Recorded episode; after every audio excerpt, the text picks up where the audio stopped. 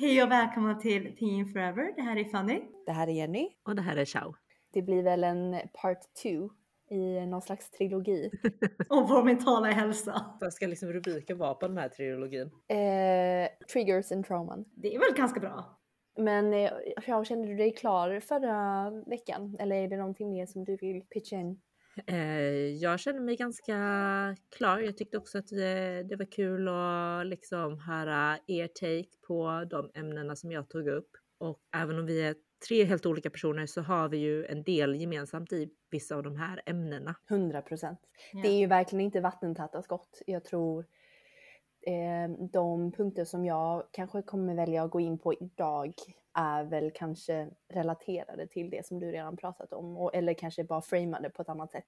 Du nämnde ju dina terapitimmar i samband med din sjukskrivning och jag har också eh, gått i samtalsterapi eller hos en eh, psykolog en vända och det var under våren 2021.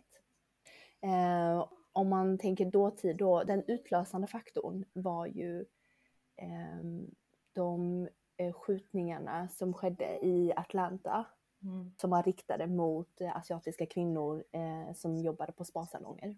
Mm.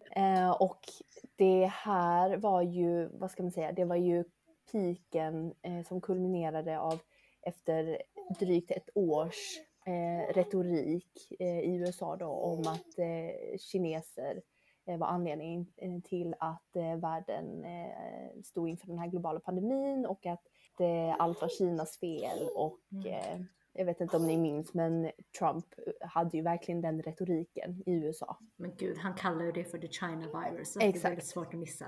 Men det var verkligen, eh, det var ganska upptrappad stämning i USA Eh, och jag minns att det ändå skedde en del våldsdåd som var riktade mot eh, eh, kineser men asiater i allmänhet i USA. Mm. Och så har det ju aldrig varit i, i Sverige, inte vad jag uppfattade. Men, men det som föranledde att jag gick hos psykolog var ju att jag blev jätteledsen efter det- som hände i Atlanta och började gråta på jobbet framför min chef. Och ehm, vi pratade om det här och hon som den bra chefen hon var eh, rekommenderade mig verkligen att eh, prata med någon. Just också för att hon kanske anade att det inte var isolerat till bara den här händelsen då. Um, så att jag hittade via, via jobbet hade vi en hälsoförsäkring som, eh, som känns otroligt privilegierat eh, och då får man också prata med en koordinator om, eh, som försöker matcha en med en eh, lämplig psykolog. Mm. Eh, och jag nämnde ju då det här och då sa hon, det låter som att du behöver prata om eh, minoritetsstress. Jag vet inte om ni har hört det begreppet tidigare. Nej. Men är det en variant av imposter syndrom typ? Jag vet inte om det är den officiella eh, förklaringen, men det handlar helt enkelt om att eh, man känner sig utsatt som någon slags minoritet i det samhället man lever i och eh, då går och bär på någon slags konstant psykisk, alltså någon börd, mental börda relaterat till att man tillhör den minoriteten då. Ehm, och det pratade jag med min psykolog om och han konstaterade redan efter första sessionen att jag antagligen i större delar av mitt liv har eh, identifierat mig väldigt starkt som kines i det svenska samhället och därför satt mig själv utanför. Eh, att jag har själv satt mig i ett utanförskap. Eh, och det har jag gjort själv men det kanske också kommer från att till exempel jag har fått kommentarer när jag var yngre. Eh, och vi har ju pratat om det här tidigare men att jag gick i skolan i Lomma som eh, verkligen inte, inte bodde inte så många invandrare där och gick inte så många i skolan så att där kunde jag verkligen få ganska specifika påhopp eh, kring att jag var just kines. Så att det är liksom parallellt med att man kanske känner sig utsatt på grund av andras handlingar så är det också någonting som jag har byggt upp inom mig själv. Mm. Ehm, och till följd av den här utsattheten eh, och att, att jag tillhör en minoritet eh, så blir det också att jag tar på mig alla kinesers tyngd på mina axlar. Men just där och då gjorde jag det och det var antagligen det som gjorde att jag blev så ledsen. Ehm, att jag kände att det var, det var liksom indirekt riktat eh, mot mig och att det var upp till mig att lösa problemen. Ehm, och jag vet inte om ni eh, minns, men jag delade en del i sociala medier, vilket jag inte gör så himla ofta. Under den våren så eh, kunde jag liksom lite paranoid, eh, paranoid, vad säger man? Paranoia. Paranoid. Par, paranoid tro mig se tecken om att andra hintade om att jag var kines eller så. Alltså jag kunde se, ni vet de här klistermärkena med Xi Jinping och så bara gud, eh, alla är rasister typ. Ah. Ehm, Blir det inte som det här eh, psykologiska termen att eh, när man tänker på något, då ser man ju tecken på det hela tiden. Det blir som ett bias, att du, du, du noterar det mycket mer nu än vad du Mm. gjorde innan och därför blir det mer prominent och därför går det också i de tankarna som du är i. Jättemycket så. Precis här vid vattnet där, där vi bor eh, i Stockholm så låg det en eh, båt ehm, i hamnen eh, och någon hade satt det här Xi Jinping eh, Bat, Batman Mm. eh, klistermärket. Mm. Eh, på, nej, det var, ju så, det var inte klistermärket. Någon hade liksom målat det så lite som ett konstverk på den här Mm. båten. Eh, och jag tog så illa eh, vid mig och eh, alltså kunde typ inte sluta prata om det med Ivar. Och eh, han stöttade mig i 100% men om vi skulle prata om det idag skulle han säkert hålla med om att det var väldigt eh, liksom överdrivet att, liksom, hur, hur starkt jag reagerade. Mm. Jag googlade, googlade typ fram ägaren till den här båten och mejlade om att, eh, att jag verkligen tog illa vid mig och, och typ ville förklara hur det fick mig att känna. Men alltså, jag älskar din eh, så här, solution orientation. typ, hur ska jag lösa det här steg för steg? Vi, vi stalkar ner ägaren först, tar bort en batsymbol och sen tar vi oss an resten av världen. Svarade han- eh, han eller hon? Ja, de svarade. Eh, typ, hej, okej, eh, vi tittar på det. Typ. Eller, alltså det var något neutralt. Det var ingen så här superempatiskt, för antagligen så var det lite överdriven reaktion från, från mitt håll. Varför säger du så nu ett år, eller två år senare att du tycker att det är en överdriven reaktion? Alltså är det, är det för att du tycker så eller? Ty- Det jag tycker kanske var överdrivet, eller överdrivet kanske är fel ord, för att jag hade väl rätt att känna det då. Men det som verkligen blev jobbigt och som föranledde att jag eh, hade ett breakdown var väl att jag kopplade så mycket småsaker till, att jag problematiserade så mycket småsaker och la det på mina axlar, eh, på mitt bord att, ehm, att lösa och adressera. Eh, Min psykolog jag eh, sa också att han kanske inte tyckte att jag skulle läsa så mycket nyheter just där, då och då. För att det bara ökade på min mentala börda och liksom min to-do slate för att rädda världen. ja, det som föranledde var helt enkelt den här retoriken och att jag där och då ehm, Vänta, jag ska. Hej pappa, vill du komma upp? Att eh, världen just då hade väl blickarna ganska riktat mot Kina och kineser eh, i en lite mer negativ bemärkelse än, än vad det har varit tidigare. Och att det då i mig bubblade upp känslor av att vara eh, utsatt eh, Mm. och är liksom, ja, Jag kan relatera till det du säger för att jag tror att det som hände då var att kanske för första gången så kände vi att det var hotfullt att vara kines. För att det är inte som att det inte har funnits någon diskriminering gentemot kineser innan. Men kineser har ändå varit väldigt alltså mönsterinvandrare på ett sätt. Där man tycker att de är liksom duktiga, de är nördiga, alltså vi har ju våra stereotyper. Men det har ju aldrig varit hotfullt att vara kines förrän då när de här morden skedde. Ehm, så att plötsligt så blev det nästan som att vi kände en viss aggression eh, och ett hot som aldrig funnits tidigare. Och det var ju ganska skrämmande. Jag hade ju också kompisar i USA, runt i San Francisco. Eh, och då var det en tjejkompis farmor som hade en convenience store. Och den blev liksom helt trashad för att det var en kinesisk. Mm. Eh, Så att de kände sig oerhört utsatta på Mm. ett sätt som aldrig har funnits innan. Så att jag tänker att det är väl en naturlig reaktion att känna sig utsatt på ett helt annat sätt när det är ett aggressivt hot versus diskriminering. I din samtalsterapi kunde ni se alltså att, var, att du dels eh, definierade mycket starkt som kines men kunde ni också se var det bara negativt att det blev så eller kunde ni också se att det fanns fördelar med att du placerade i, i liksom en Ett, I ett utanförskap. Ja, eller inte ett utanförskap, för du tillhör ju en minoritet. Eh, nej men det var ju mycket det som eh, de här terapitimmarna gick åt, liksom, att jag gick åt till eh, med syftet att eh, okej, okay, det är så här du identifierar dig, du har hela ditt liv eh, ändå ställt dig utanför eh, samhället på ett eller annat sätt. Och hur ska du kunna göra någonting konstruktivt av det?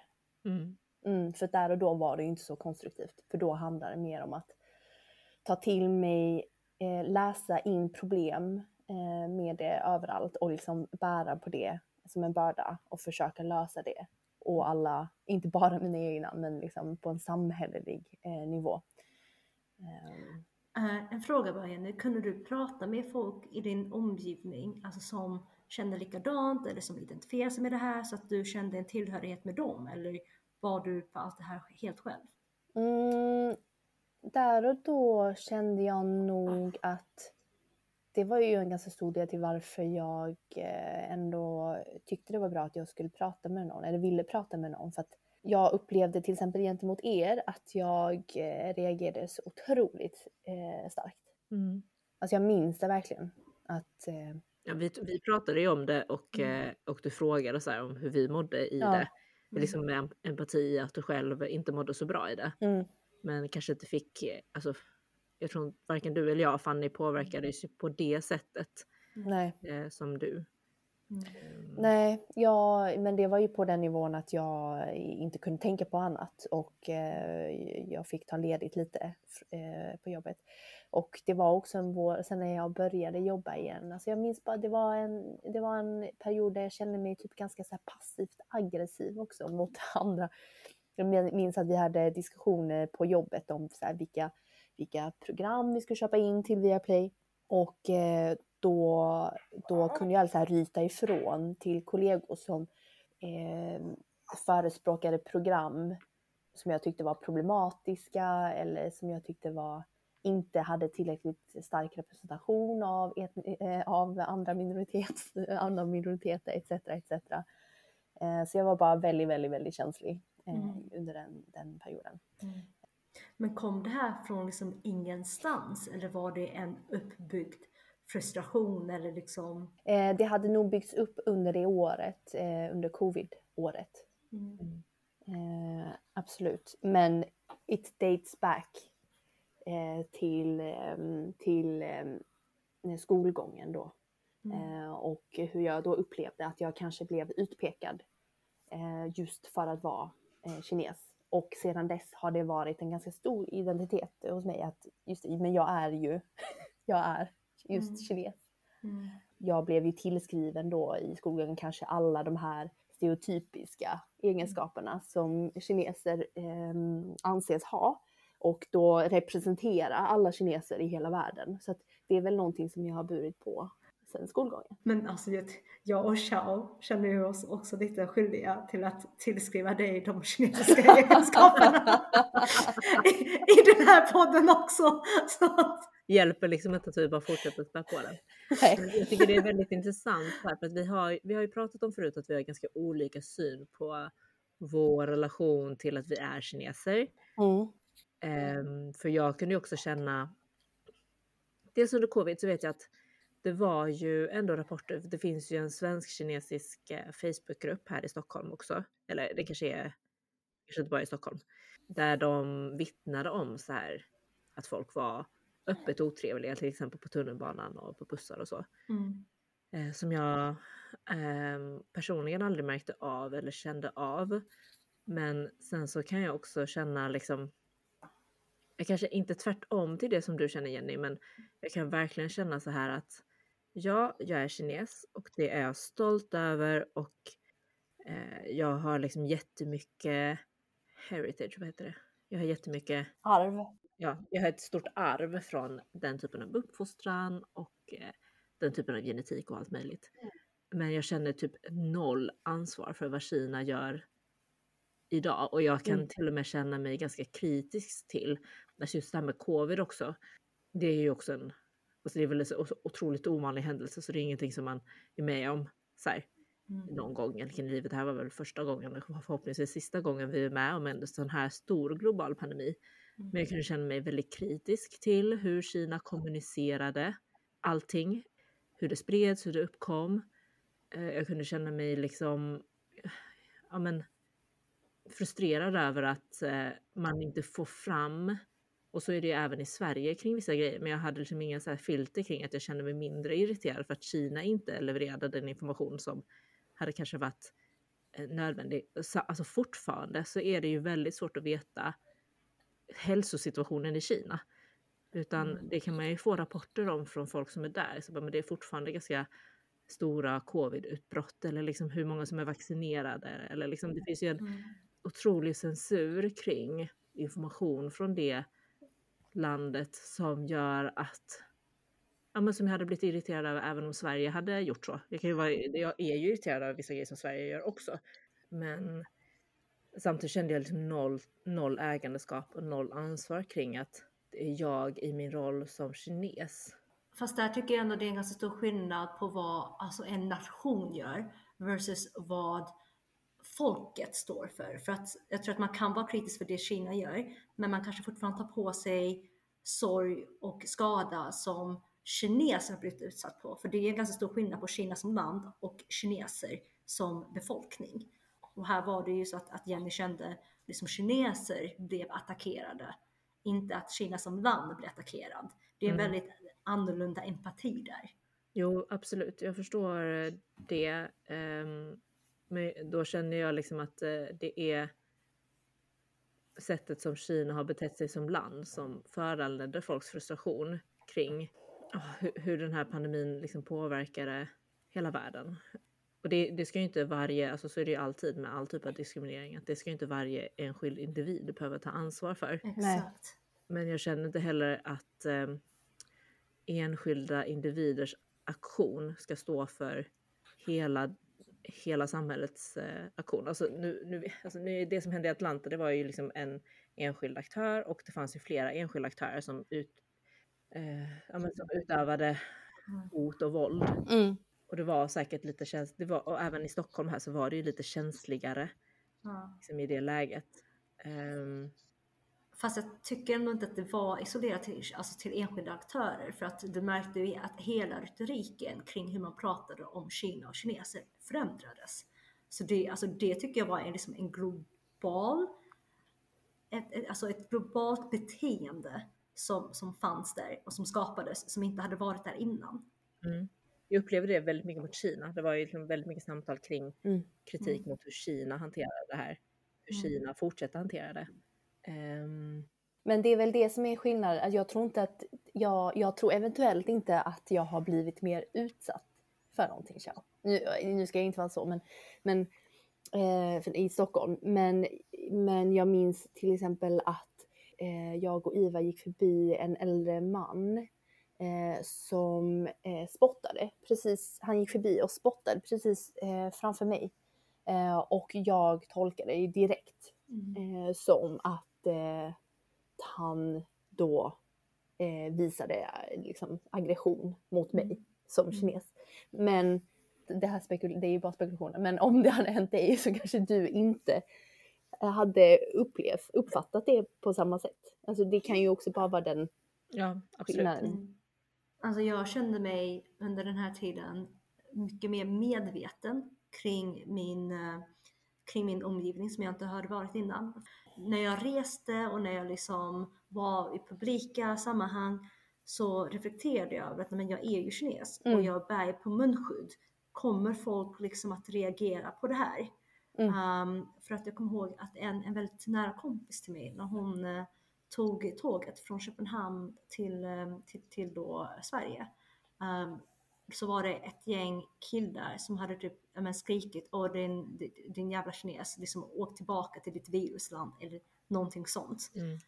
och, och det var någonting som jag var ganska, men inte, alltså inte rädd för, men medveten om att det skulle kunna hända mig också. Att jag plötsligt kände som att jag var mycket mer medveten kring min omgivning för att inte bli utsatt eller för att lägga märke till om någon skulle bete sig aggressivt. Uh, och, och, det är ju en osäkerhet som skapades som aldrig har funnits där innan. Mm, det känner jag igen också. Um, och jag, om jag minns rätt så kände jag också att eh, konsekvenserna av eh, den här retoriken mot kineser och att eh, det var the China virus blev ju att eh, många av de här kinesiska stereotyperna, förlegade sådana, dök ju upp till ytan igen. Yeah. Typ att eh, kineser äter weird stuff, mm. eh, kineser är ohygieniska, mm. eh, etc. etc. Ja, det, det, jag tror att det var mycket sådant också som florerade i, i, i liksom sociala medier och liksom folk drev med det. Så att det, det, det, det bidrog absolut till, eh, till att jag kände så starkt för det just då också. Mm. Nu är det här två år sedan. Mm. Eller tre år sedan covid satte igång. Mm. Ja. Jag kommer ju också från, det vet jag att det har, det, jag kommer ju från Wuhan där viruset bröt ut. Alltså du om någon borde verkligen känt dig Ja, men precis. Jag minns väldigt mycket att det blev en så här lite rolig anekdot för helt plötsligt så visste liksom alla som frågade var jag kommer från i Kina. Alla kände till staden Wuhan. Vad säger man? All PR is good PR. Really though. Det var liksom, det är också, men jag kan inte minnas att jag någonsin kände så här gud vad skämmigt. Att, alltså, det blir mer som så här, gud vilken rolig anekdot att helt plötsligt känner alla till den här lilla, det är ingen liten stad, det är 10 miljoner människor som bor där. Eh, men att eh, det var lite, att jag tyckte det var lite skönt ändå bara, ja, det är ingen som vet var det ligger. Så alla känner till namnet.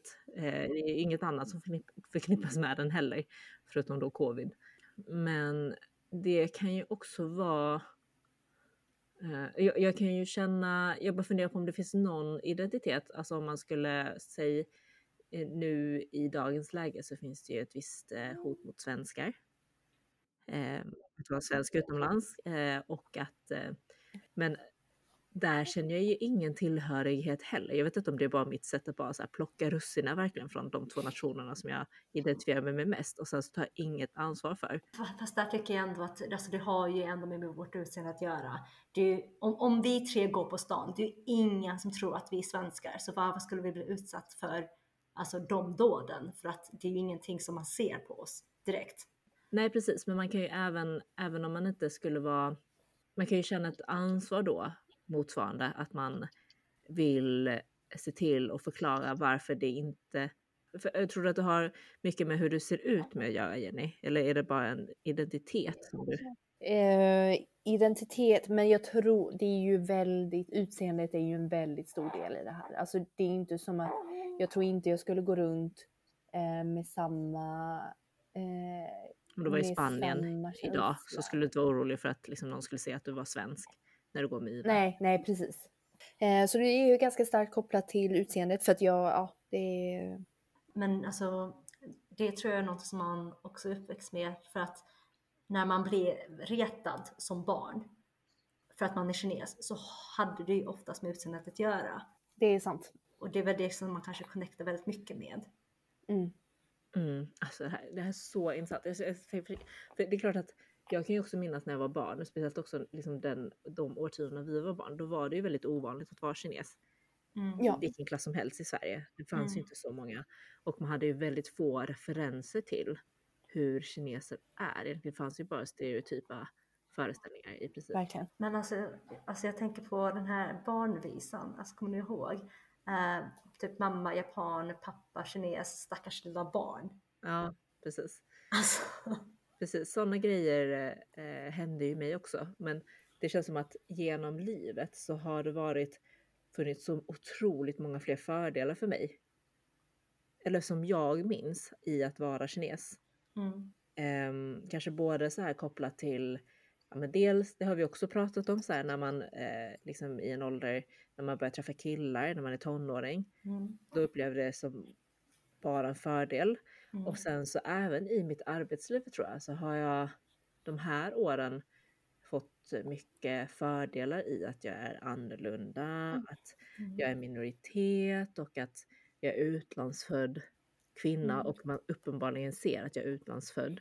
Mm. Ehm, och samtidigt så kan jag också tycka så här att Kina har ju fått jättemycket, alltså till exempel så här, det finns ju väldigt mycket positiv behandling som man kan få idag Mm. innan covid Absolut. med att folk ser att man är från Kina Mm. och den kanske jag tyckte var så här oproportionerligt positiv i förhållande till vad landet håller på med. Mm. Så att jag har också känt så här att det har varit, eh, jag vet inte, Mest till din fördel. Ja, Mm. kanske dels att det inte blev ett så eh, starkt trauma för mig i min barndom. Mm. Och sen kanske lite så här jag som personlighet, att jag är, ibland så är jag lite som en gås och så minns jag bara det som är positivt och så är det bara det som jag fortsätter berätta. Mm. Eh, Och det är ju absolut en styrka. eh, jag är jag kanske inte bara, man bara är olika liksom. Ja, är olika medan jag, är, jag har ju en ganska ältande personlighet. Ehm, och, och brukar älta saker som har, som har hänt mig eh, ganska länge och det brukar så att vi, vi, är väl, vi är väldigt olika i det. Jag gör ju nästan aldrig någon research heller så det, är liksom, det, alltså det är ju på gott och på ont den här Mm. För jag tror att liksom folk som är väldigt så här, som samlar mycket information för att sedan fatta kvalificerade beslut. Mm. Eh, då samlar man ju även på sig information både fram och tillbaka. Men alltså där identifierar jag mig mer med Xiao för att jag, jag tycker också att min kinesiska identitet har gett mig mer än vad det har liksom tagit. Och, och jag har haft väldigt bra erfarenheter genom uppväxten. Det är klart att det har funnits liksom perioder där det har varit svårare att, att ha en minoritetsidentitet men mestadels genom min uppväxt och som i vuxen ålder så har jag sett det som någonting som adderar istället för att ta emot. Mm. Um, men samtidigt eh, så, så var det svårt under, under covid. Just för att jag tror att jag identifierar mig mycket som kines också. Att det plötsligt blev liksom ett hot gentemot hela ens, ens ras eh, och, och ens identitet. Att, Ras. Nej men för, för, race, how do you say that? Men hur säger du det? Etnicitet. Etnicitet, tack, tack. Eh, OPK Fanny, håll med sin. men, men, men, men hela ens etnicitet. Um, att plötsligt så, så blir det så laddat på ett sätt. Um, och, och oavsett om man ville ta del av det eller inte så blev man ju indragen i det ofrivilligt. Alltså för att vi ser ut på det sättet vi ser ut. Också det här kan också vara, för att jag fick ju barn. Eh, mitt, mitt första barn kom samma vecka som covid-restriktionerna rullades ut i Sverige. Så det var då som det blev så här eh, restriktioner i mars 2020. Jag tänker att det här med, alltså det kan ju också vara att jag var liksom helt, men du vet ju Jenny som precis har fått barn så att man är ju lite, man är inte riktigt lika man har inte riktigt lika mycket utrymme att ta in omvärlden precis de första månaderna. Och sen tror jag att hela det året så hade jag jättestora problem med att mitt barn inte såg kinesiskt ut. Liksom stora delar av min då tankeverksamhet i min lilla värld handlade ju typ om att förstärka min kinesiska, för jag tänkte att den kinesiska identiteten i min genetik kommer ta slut med mig.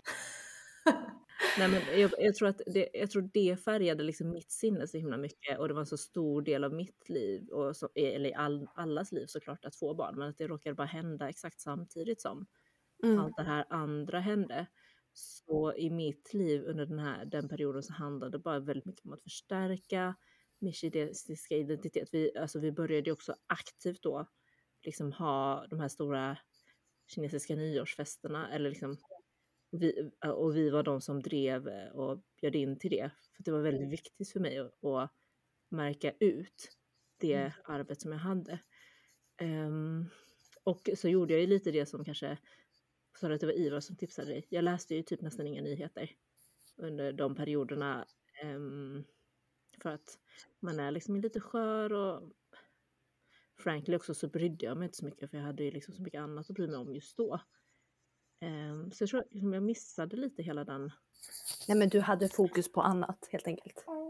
Och det var, du hade ju fokus på annat och du hade begränsad kapacitet till att ta in Ja. saker som man har när man har småbarn. Så att, eh, men det säger väl också ganska mycket. Det, det konstaterade vi också eh, under min första terapitimme att eh, jag personifierar världsproblemen eh, och att jag då aktivt skulle försöka jobba med att inte längre göra det.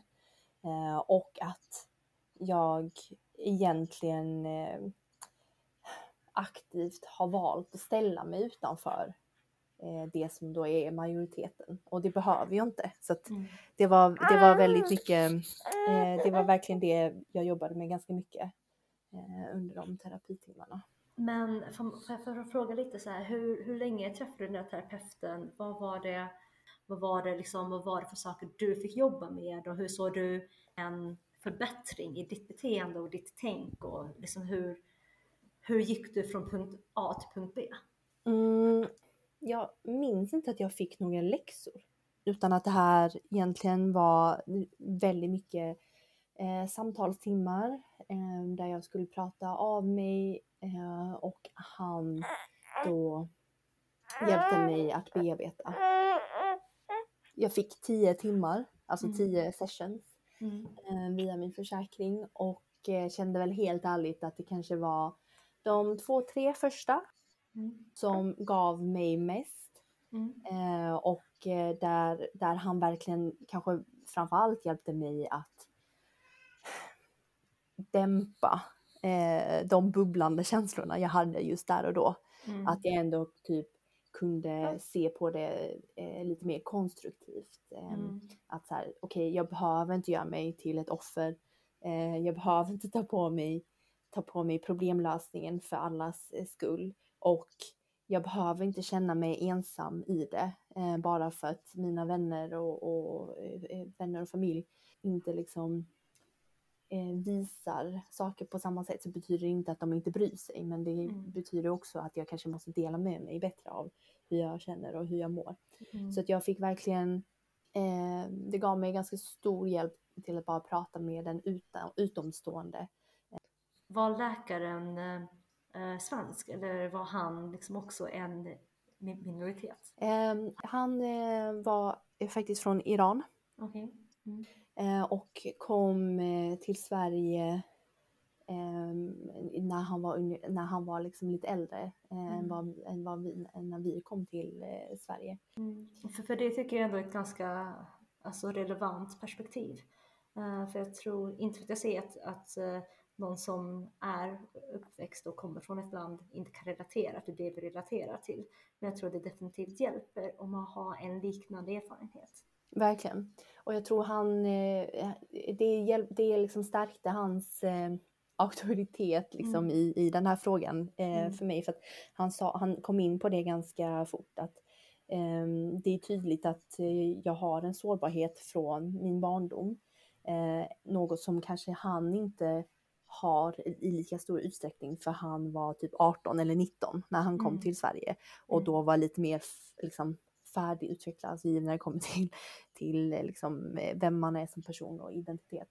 Eh, att säga att man kanske aldrig riktigt kommer förstå i samma utsträckning är ju också ett sätt att eh, Bekräfta. bekräfta precis. Ja, absolut. Alltså, du gick ju tillbaka då till din barndom och de trauman som kanske skapades för att du blev utsatt för vissa trakasserier och så. Mm. Gick ni också tillbaka till andra grejer i din barndom som kan ha föranlett att du reagerade som du gjorde?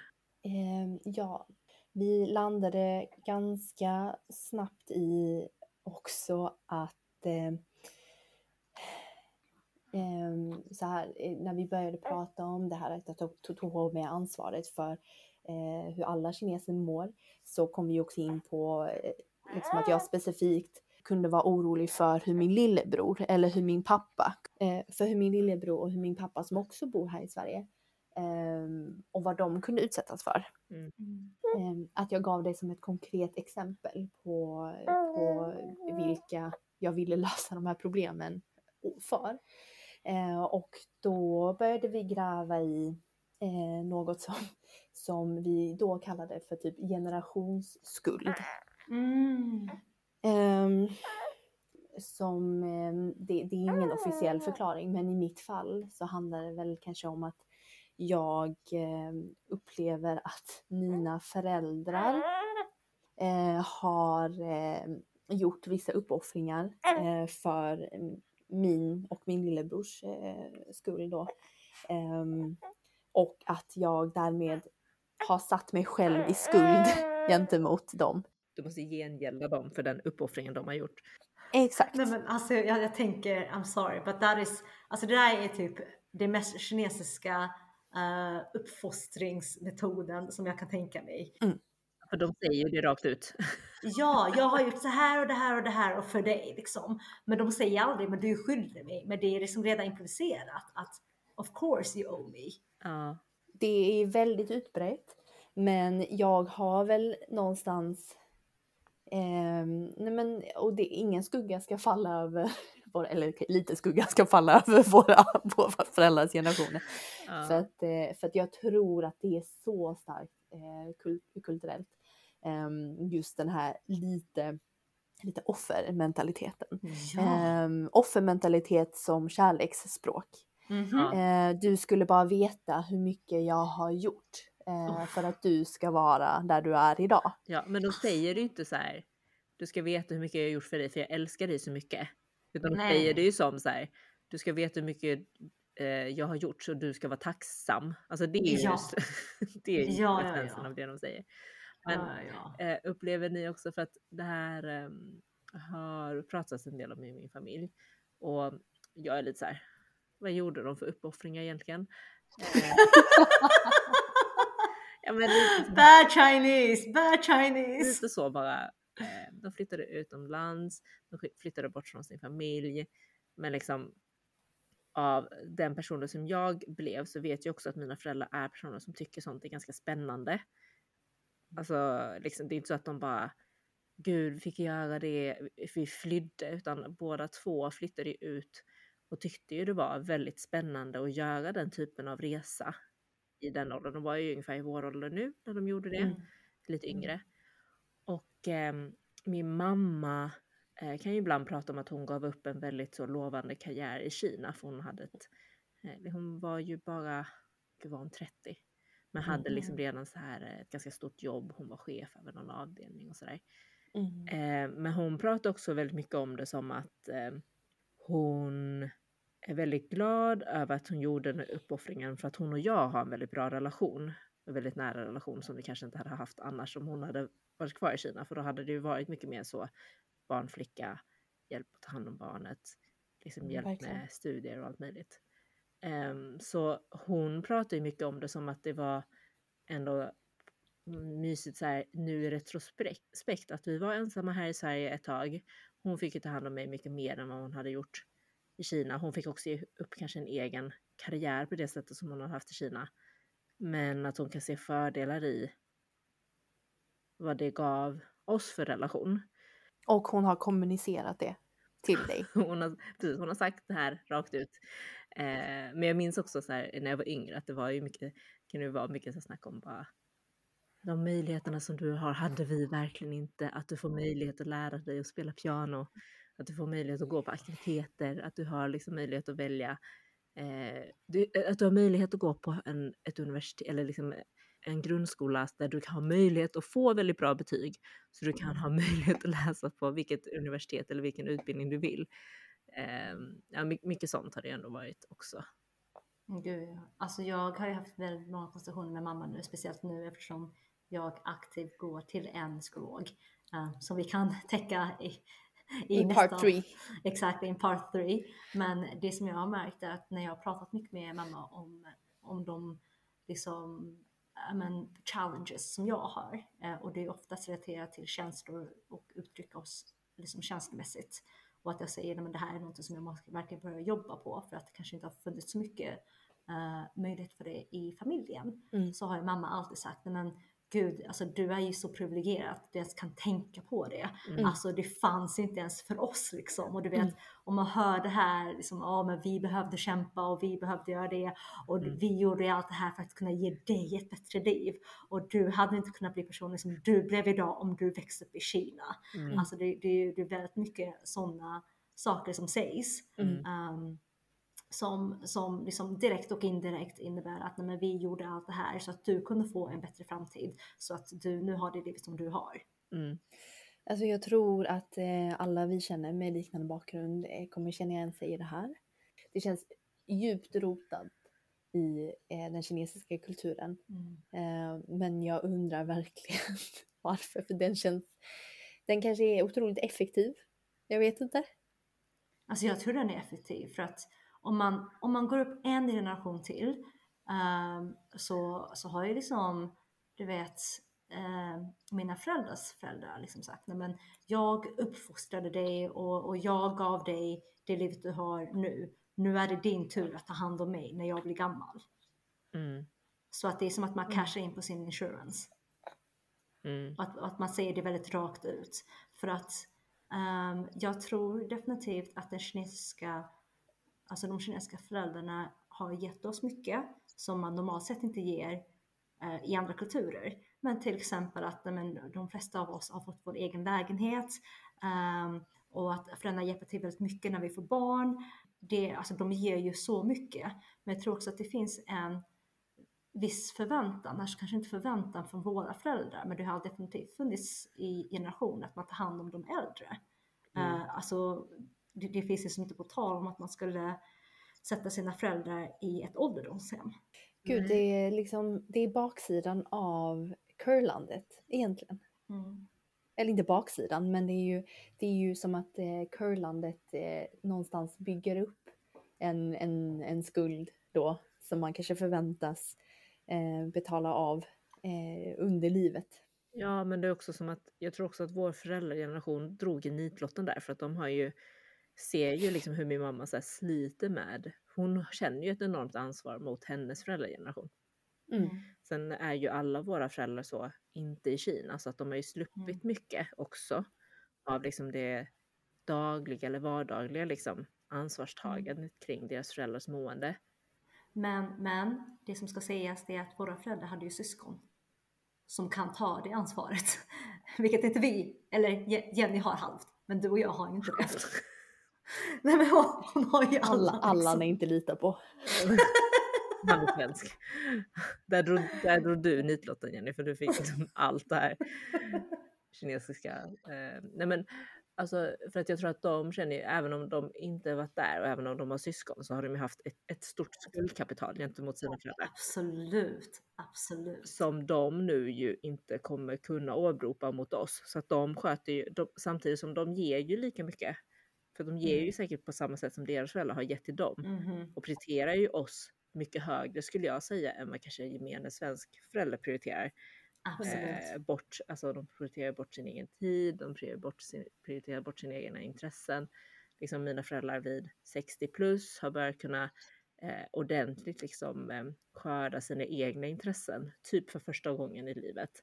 Men alltså 100% mamma har ju stannat i Sverige nu för att finnas för mig och Benne. Mm. Mm. Men alltså, och vi är ju väldigt vuxna men hon vill ändå stanna här. För Ja, att ni är väldigt liksom- vuxna.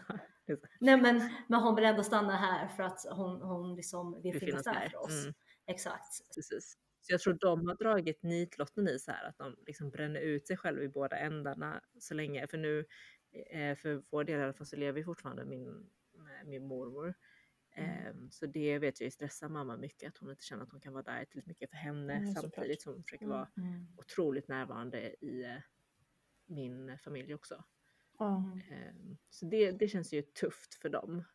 Ehm, Men alltså det känns som att, alltså, att det här med skuld, det är ju mycket som finns i vår kultur. Det är jättemycket. Och det var, det var ju, jag nämnde tidigare att jag hade tre punkter det, och det är ju den andra punkten som jag till stor del trodde var liksom en så här familjegrej, liksom vår offermentalitet och liksom den här skulden. Men, men, jag- men jag kan absolut dra det till, till något större, ja, ser jag ju nu. Mm. Alltså det är ju Absolut. jag tycker på något sätt det är lite härligt för man kan ju, nu när man har barn själv, man kan ju ändå förstå att man vill säga så här till sina barn bara, förstår du vad jag gör för er skull? så jag förstår att det är lätt att, eh, det hade absolut varit väldigt lätt för mig att bara glida rakt in i den typen av kommunikation. Ehm, För det är ju mycket, alltså bara så här att man gick på typ sju aktiviteter som barn. Det, det tar ju väldigt mycket tid och energi och pengar från ens föräldrar som man kanske Mm. inte riktigt liksom eh, uppskattade liksom när det skedde. Men jag, jag måste bara säga att för den, den här skuld, det skuldtänket, det offermentalitet passar inte jättebra i dagens, eh, i dagens Sverige och liksom i våra liv. Mm. Eh, om vi ska se det isolerat från våra föräldrar. För att Ivars och mina bråk kan ju vara, eller mina bråk, men när jag blir besviken på Ivar så märker jag oftast att det är för att jag känner att jag eh, har offrat mycket eh, av typ eh, min tid eller någonting för, eh, för all, bådas bästa eller någonting. Men sen när jag inte får samma behandling tillbaka, typ, då, då kan jag känna mig liksom, då blir jag ju besviken. Men offermentaliteten i Ki- Kina är ju lite det som du pratar om också för att då är det ju förutbestämt att du ska förstå Mm. vad du ska göra tillbaka. Mm. Alltså i hänseende typ så här att även så här, jätteenkla grejer när man går på en middag hos någon. Nu tror jag att eh, alla våra föräldrar gjorde en kartell att de skulle sluta med det här, men liksom i början så var det ju om du går på middag hos någon, då ska du ta med dig eh, viss mängd antingen present eller mat Mm. som tacksamhet för att du blev bjuden på middagen, typ. Mm. Ja. Mm. Ehm, och det är ju också så här, det finns ju massa så här outtalade eh, artighetsbeteenden. Gud ja, alltså man har ju sett hur många som helst den här eh, pengadansen när två parter försöker betala för en middag. Ja, men alla vet vem det är som ska betala, eller vems tur Exakt. det är. Ja. Men man måste ändå liksom visa. Ja. Eh, och det är ju något som så här väldigt osvenskt. Att liksom, Gud ja, eller liksom vara så här. Eh, och det kan ju ta en stund. Det tror jag vi gick igenom i min terapi också. Att hon var så här, du, du måste ju, eh, för det första, du måste ju kommunicera vad du vill. Bara Mm. det är ju så här ganska okinesiskt. Att kommunicera väldigt ärligt vad du vill. Inte så här, för då i kinesisk eh, mentalitet så är det bara att du ska vara så, så artig som möjligt. Sen ska Mhm. du hoppas på att andra ska hoppa in och hjälpa dig med vissa grejer. Man ska ju alltid tacka nej Mm. till hjälp. Man ska alltid tacka, liksom erbjuda hjälp till någon annan fast man inte vill. Alltså det är väldigt så här, lite som man säger exakt det som man faktiskt vill själv. Ja. Mm. Och det minns jag att jag var ganska vuxen innan jag liksom började ber- berätta både för så här vänner och partners vad jag förväntar mig. Jag är fortfarande väldigt, väldigt dålig på det. Det blir så helt otroligt omöjligt för en partner som dessutom inte har vuxit upp i samma miljö och gissa Ja, ja. 100 procent. vad jag vill. Det är alltså bara så här att man bara nej men eh, jag behöver inte bli firad på min födelsedag. Nej jag behöver inte det men det är klart att jag, alltså jag när jag säger så, jag förväntar mig 100% att det händer något ändå. Alltså jag relaterar inte alls till det ni säger. Nej, nej du säger ju. Jag bara, jag är så duktig på att uttrycka vad det är jag förväntar mig och vad det är jag vill ha. Jag tänker ibland så här, what would Fanny do? För att jag känner att jag borde bli mer som, som du. Ehm, Världens finaste komplimang ju. Faktiskt. Nej, men, men du är väldigt bra på det. Eh, och jag märker att liksom, du och Benne har, har den transparenta kommunikationen medan jag då kan försätta mig i, situationer där jag säger så här, nej, nej, jag vill absolut inte ha sista kakan. Och sen vill jag jättegärna ha sista kakan. Men alltså Jenny!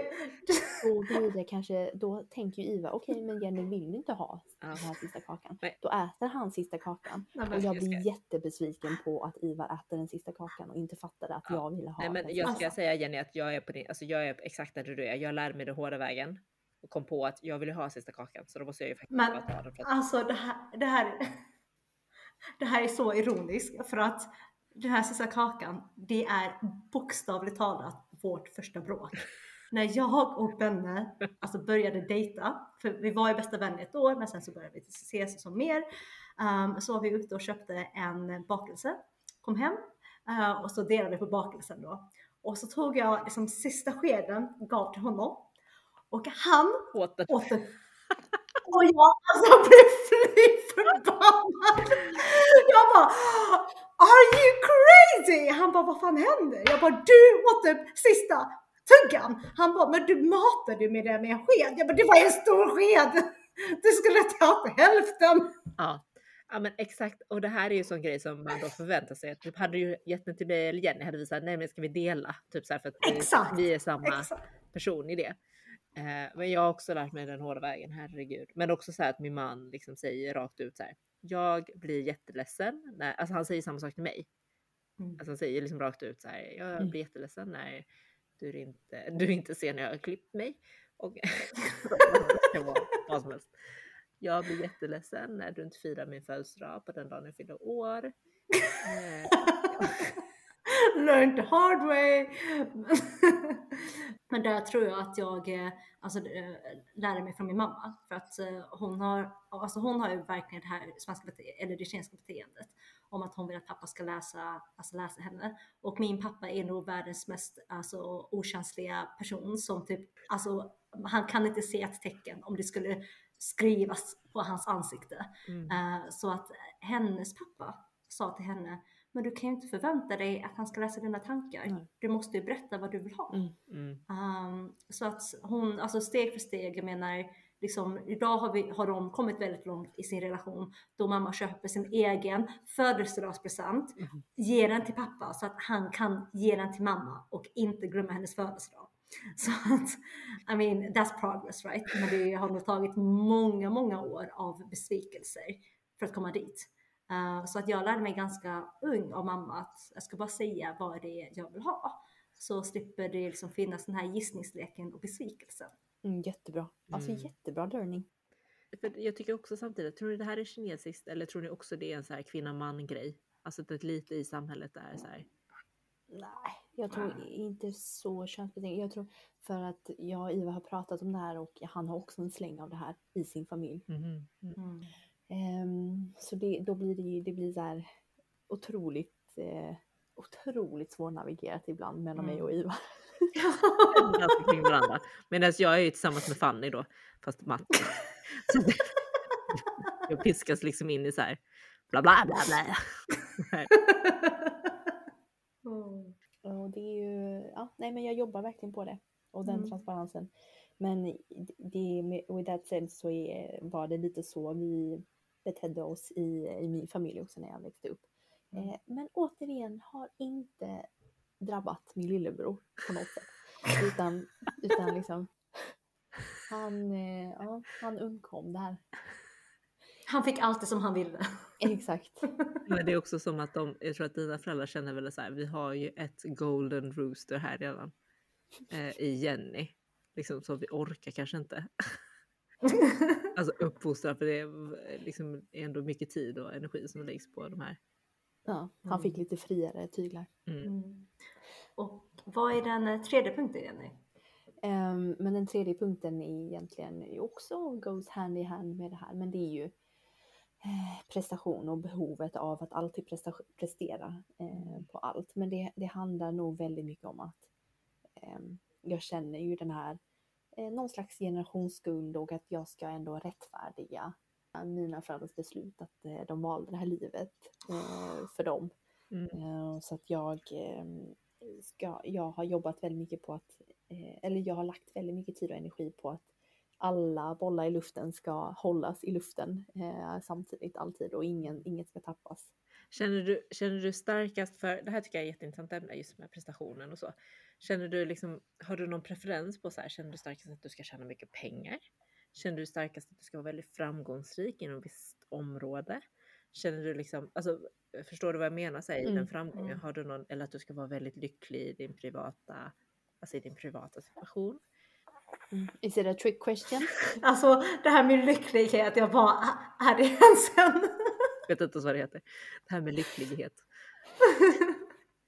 Ja, men det, jag tycker ändå det är intressant för att jag, alltså, ehm, vad skulle ge dig mest så tillfredsställelse att du levererade liksom i prestation? Eller är det liksom allt? Det, Eh, det är där bo- bollarna hålls i luften, det ska vara allt. det ska vara allt. Kanske. Det ska vara allt. Jag tror det. Alltså det fin- jag har inget, inget konkret mål. Eh, men som vi kanske har sagt tidigare så, så har, man, har ju väl alla vi att vi är någonstans i livet där våra föräldrar ändå är, kan släppa, släppa en viss eh, oro över oss. Eh, så det handlar väl helt enkelt om det andra nu då. Liksom. Mm. Prestationer och framgång och, och pengar. Mm. Men du kan inte se att en av de här ämnena skulle vara mer eller mindre viktiga att upprätthålla om du skulle tappa en boll.